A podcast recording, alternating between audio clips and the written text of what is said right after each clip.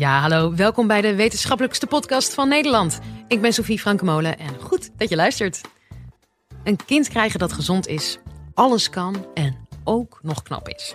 Dat lijkt een mooi waar te zijn. En daarom zou je er misschien van opkijken dat embryoselectie al wordt toegepast. DNA-deskundige Mark van Meel van Universiteit Utrecht legt in deze aflevering, uit 2015 alweer, uit hoe dat werkt. Live vanuit Club Air is dit de Universiteit van Nederland. Het is 10 januari 2014. Een stralende moeder en een schitterend kind. Ik ben de gelukkigste man op aarde. Net vader geworden. En ik check natuurlijk snel. Tien vingertjes, tien tenen, volle borst huilen. Ja, het is toch wel opluchting hoor. Als je dan op het eerste gezicht een kerngezond kind ziet. Het is natuurlijk, ja, je kunt niet in de toekomst kijken, maar dat wat ik daar zag maakte mij zo gelukkig. Hij was gewoon helemaal gezond. En we hebben natuurlijk, uh, mijn vriendin en ik, toen we, toen we een kinderwens hadden, toen we dachten, ja, we willen eigenlijk wel kinderen, dan ga je toch nadenken. Dan ga je toch denken, nou, als diegenen van ons gaan mixen, wat zou daar nou uitkomen? Kijk, we, hebben geen erfelijke ziektes in, in onze familie, in beide families niet. Dus ja, op dat, in dat opzicht waren er geen zorgen. Maar toch, ja, kijk, als we het voor het kiezen hadden, dan zouden we misschien toch wel alle risico's willen uitsluiten. Of is dat toch iets te gemakkelijk gedacht? Kijk, het lijkt soms wel realiteit, een baby op bestelling. En zoals hier uh, in, het, in het parool staat een heel stuk. De titel is, hoe ver zijn we af van de supermens? Het gaat over uh, pre-implantatie genetische diagnostiek. Embryoselectie ook wel genoemd. Of uh, in NRC stond een stuk uh, de beste genen van jezelf en je partner. Alsof je je DNA kunt uitkiezen en daar het mooiste babytje van maakt. Um, en dat artikel ging trouwens over het bedrijf GenePeaks. Hun slogan, protecting your baby is in your DNA. Welke vrouw met kinderwens is daar niet gevoelig voor? Het richt zich namelijk specifiek op vrouwen, dit bedrijf. Slechts 1000 euro en dit bedrijf kiest voor jou de perfecte spermadonor. Het is dus eigenlijk een ordinaire spermabank. Maar ze denken daar toch iets extra's aan te kunnen verdienen door je een dragerschapstest aan te bieden. Dus wat ze doen, als vrouw heb je een kinderwens, je wil dat via een spermabank regelen. En dan zeggen ze, nou, dan lezen wij eerst uw DNA af. En dan kijken we alleen naar de ziektes die u zelf niet heeft, maar waar u drager van bent en die u dus inderdaad kunt doorgeven aan uw kind. Um, dat doorgeven aan het kind kan alleen maar, in het geval van deze ziektes, als je een kindje gaat maken met iemand die precies diezelfde DNA-fout heeft. Nou, dan is het dus heel simpel, want zij kennen het DNA van al hun spermadonoren en ze kiezen er gewoon eentje uit die niet dezelfde fouten heeft. Elk mens is, uh, heeft in zijn DNA nou, vier tot zeven fouten die, die je zelf niet ziek maakt, maar die je wel kunt doorgeven aan je kinderen. Dus je bent drager van vier tot zeven erfelijke ziektes zonder dat je dat zelf weet. En uh, ja, dat is heel zeldzaam, die ziektes. Dus de kans dat je iemand tegenkomt met zo'nzelfde fout, die is niet zo groot. Maar goed, het kan gebeuren. En wat die spermabank dus zegt, nou, wij regelen dat uw kind niet een van deze ziektes krijgt, simpelweg door een goede zaaddonor te selecteren. Zij zeggen dat ze daarmee in ieder geval 500, maar misschien nog wel meer van dit soort ziektes uitsluiten. En het kost maar 1000 euro, dus ja, waarom niet? Nou, ik ben blij dat mijn vriendin dat niet gedaan heeft. En dat komt niet door die 1000 euro, maar vooral door die spermadonor, waar ik niet zo blij mee zou zijn. Um, maar het kan ook natuurlijk anders. Stel je bent bij elkaar en je wil kinderen, dan kun je je allebei laten testen op het dragerschap. Nou, er waren, ik zei al, bij ons geen erfelijke ziektes in uh, de familie. Uh, dus het was weinig relevant. We hebben het niet eens bedacht, of niet eens verzonnen dat we dat zouden willen.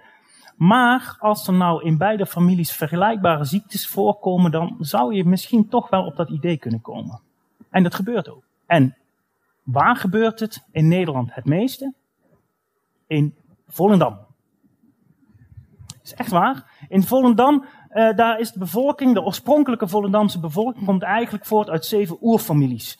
En ja, daardoor komen daar vier genetische afwijkingen best wel regelmatig voor. Het is zelfs dat er twee of drie kinderen van de 200 die er elk jaar in Volendam geboren worden, ik weet niet eens of dat veel is, 200 kinderen in Volendam, maar die worden zich geboren met zo'n ziekte.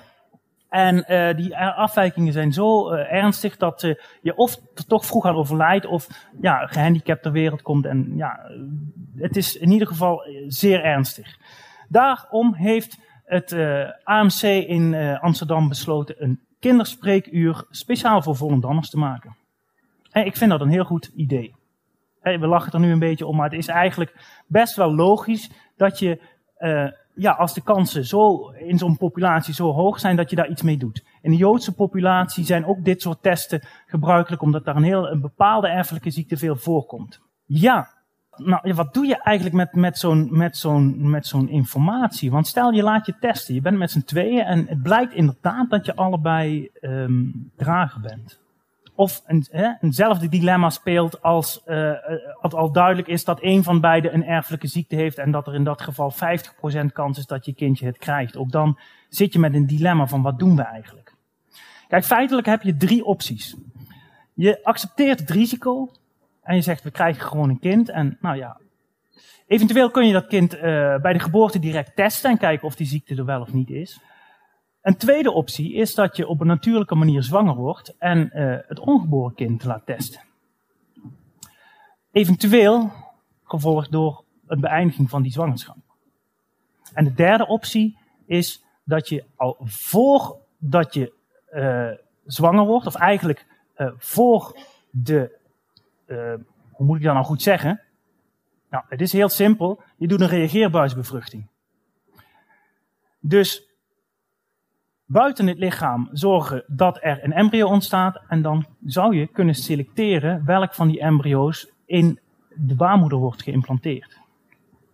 Embryoselectie dus. Nou, dat, dat embryoselectie, daar uh, wil ik wel eigenlijk iets meer aandacht aan besteden. Want het klinkt alsof je daar, of dat echt een beetje de richting op gaat van van, van de perfecte mens creëren, de perfecte baby. Maar eigenlijk valt er helemaal niet zoveel te selecteren als je kijkt naar wat er precies gebeurt in zo'n procedure. Het spreekt wel erg tot de verbeelding, dat snap ik eigenlijk ook wel, maar ik wil toch proberen u ervan te overtuigen dat het veel genuanceerder is dan in zo'n artikel in het parool. Uh, ja, met zo'n kop eigenlijk wordt uh, gesuggereerd. Kijk, wat er gebeurt is, embryoselectie doen wij in Nederland alleen maar als er sprake is van een erfelijke ziekte. En dat we dus ook zeker weten dat die ouders die samen een kind willen krijgen, een grote kans hebben dat er een kindje geboren wordt met die ziekte. dat is of die 50% of die 25%, afhankelijk van hoe die ziekte wordt doorgegeven. Nou, in ieder geval, uh, ja, grote kans dat er een kindje geboren wordt met die ziekte. En meer doen we eigenlijk niet dan alleen maar kijken, is de ziekte er wel of niet? Er wordt niet op geslacht geselecteerd. Er wordt ook niet op oogkleur of haarkleur geselecteerd.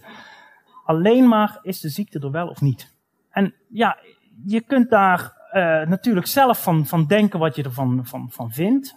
Maar de discussie moet in ieder geval wat mij betreft niet gaan over het creëren van uh, supermensen.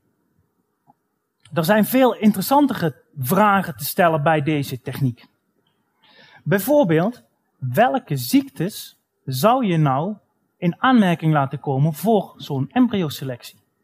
Kijk, u weet misschien uh, dat er een felle discussie is geweest. Dat was denk ik rond 2008.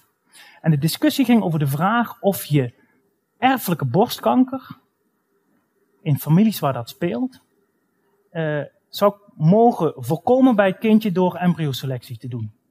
Dus een vrouw is uh, heeft zelf die verhoogde kans op borstkanker, heeft misschien zelfs al borstkanker gehad. Um, en wil zeker voorkomen dat een kind dat geboren wordt, ook, in dit geval een meisje, ook met diezelfde ziekte te maken zou krijgen. Dat mocht niet in eerste instantie. Wat wel mocht was op een natuurlijke manier zwanger worden, de foetus testen door middel van een vruchtwaterpunctie of een vlokkentest, en dan alsnog voor abortus kiezen. Dat mocht wel. Wat was het argument dat we geen embryoselectie gingen doen bij erfelijke borstkanker? Het argument is, was toen de tijd, dat je niet met 100% zekerheid kunt zeggen dat dat kindje inderdaad ook ziek gaat worden. Je hebt weliswaar een hoge kans, maar het hoeft helemaal niet zo te zijn dat het meisje borstkanker krijgt. Dat 100% criterium is losgelaten. Dat was toch op een gegeven moment ja, niet houdbaar, maar toch zit daar wel iets heel belangrijks in. Want hoe groot moet de kans dan wel zijn om dat toe te staan? 40% kans. Is dat genoeg? Bij de erfelijke borstkanker is het 60 tot 80% dat je, dat je echt ziek gaat worden. Dat is hoog, 60 tot 80%. Maar goed, als het 40% is, of 25%, spelen natuurlijk nog wel wat andere overwegingen een rol. En ik ben ook heel blij dat we eigenlijk nu in Nederland besloten hebben dat er per ziekte besloten wordt door een commissie die allerlei dingen afweegt en dan zegt, nou doen we het of doen we het niet bij deze specifieke aandoening. Kijk, als je over dit soort dingen praat, is het misschien toch wel goed, hoewel we dat dus niet doen, toch wel goed om even na te denken of je of op, op andere eigenschappen zou willen selecteren. En misschien kan het wel dat je zegt, nou, uh, geslacht, oogkleur, haarkleur. Ja, ik vraag mijzelf af of voor dit soort triviale dingen mensen zo'n heftig traject zouden ingaan. Kijk, een IVF-behandeling is niet iets wat je zomaar op een achternaamiddag doet. Hormoonbehandelingen, het is een heel medisch traject. En in het geval van deze techniek is het ook nog maar de vraag of het lukt. Je hebt nog maar eigenlijk 50, in 50% van de gevallen is het daadwerkelijk een zwangerschap die tot een geboorte van een kindje leidt. En, en, en de andere helft mislukt het eigenlijk. En moet je misschien nog een keer. Zouden mensen dat soort hele medische trajecten die echt heel erg zwaar zijn gaan doen om een kindje met blauwe ogen te krijgen? En een nieuwe doorbraak is de zogenaamde NIPT-test. De niet-invasieve prenatale test. Tot nu toe had je een vruchtwaterpunctie of vlokkentest nodig om in het DNA van het kindje te kunnen kijken dat geeft een iets verhoogde kans op abortus. En dat is niet fijn als je uh, ja, zo'n invasief iets moet doen met een naald uh, door de buikwand. Nou, het kan nu technisch mogelijk om in het bloed van de moeder het DNA van het kind te analyseren. Realiseer je even goed wat ik zeg. In het bloed van de moeder zitten dus kleine stukjes DNA. En als je die allemaal bij elkaar pakt en je scheidt het DNA van de moeder van het DNA van het kind, dan kunnen wij in principe, dat is wetenschappelijk al aangetoond, het hele DNA van het kind reconstrueren. Nu wordt het alleen maar voor Down-syndroom gebruikt, maar het is technisch mogelijk en het is al aangetoond dat het kan om je hele DNA van het kind uit een buisje bloed van de moeder te halen. Ja. En als dat kan, leidt dat tot meer abortussen, hoe kijken we aan tegen gehandicapte kinderen in onze maatschappij? Eh, mensen met een ernstige aandoening? Hoe worden ouders eigenlijk aangesproken als ze wel zo'n kindje geboren laten worden? Um, kijk, nu is al de discussie of zo'n NIPT-test misschien uh, ervoor zorgt dat er nooit meer kindjes met Down-syndroom worden geboren. Maar er zijn natuurlijk ook heel veel ernstigere aandoeningen. Misschien zelfs als je het vergelijkt met Down-syndroom, dat je denkt, nou ja, ja, dan is Down-syndroom misschien, ja, ik, ik, weet het niet. Ik vind dus zo'n superbaby, of een baby op bestelling, geen realistisch scenario. Ik denk wel dat het een kwestie van tijd is dat het DNA wordt afgelezen. Ik denk niet dat we heel binnenkort alle baby's standaard hun hele DNA gaan aflezen. Maar mocht het zo zijn, ik wens u veel wijsheid toe in het besluit wat u daarvan vindt.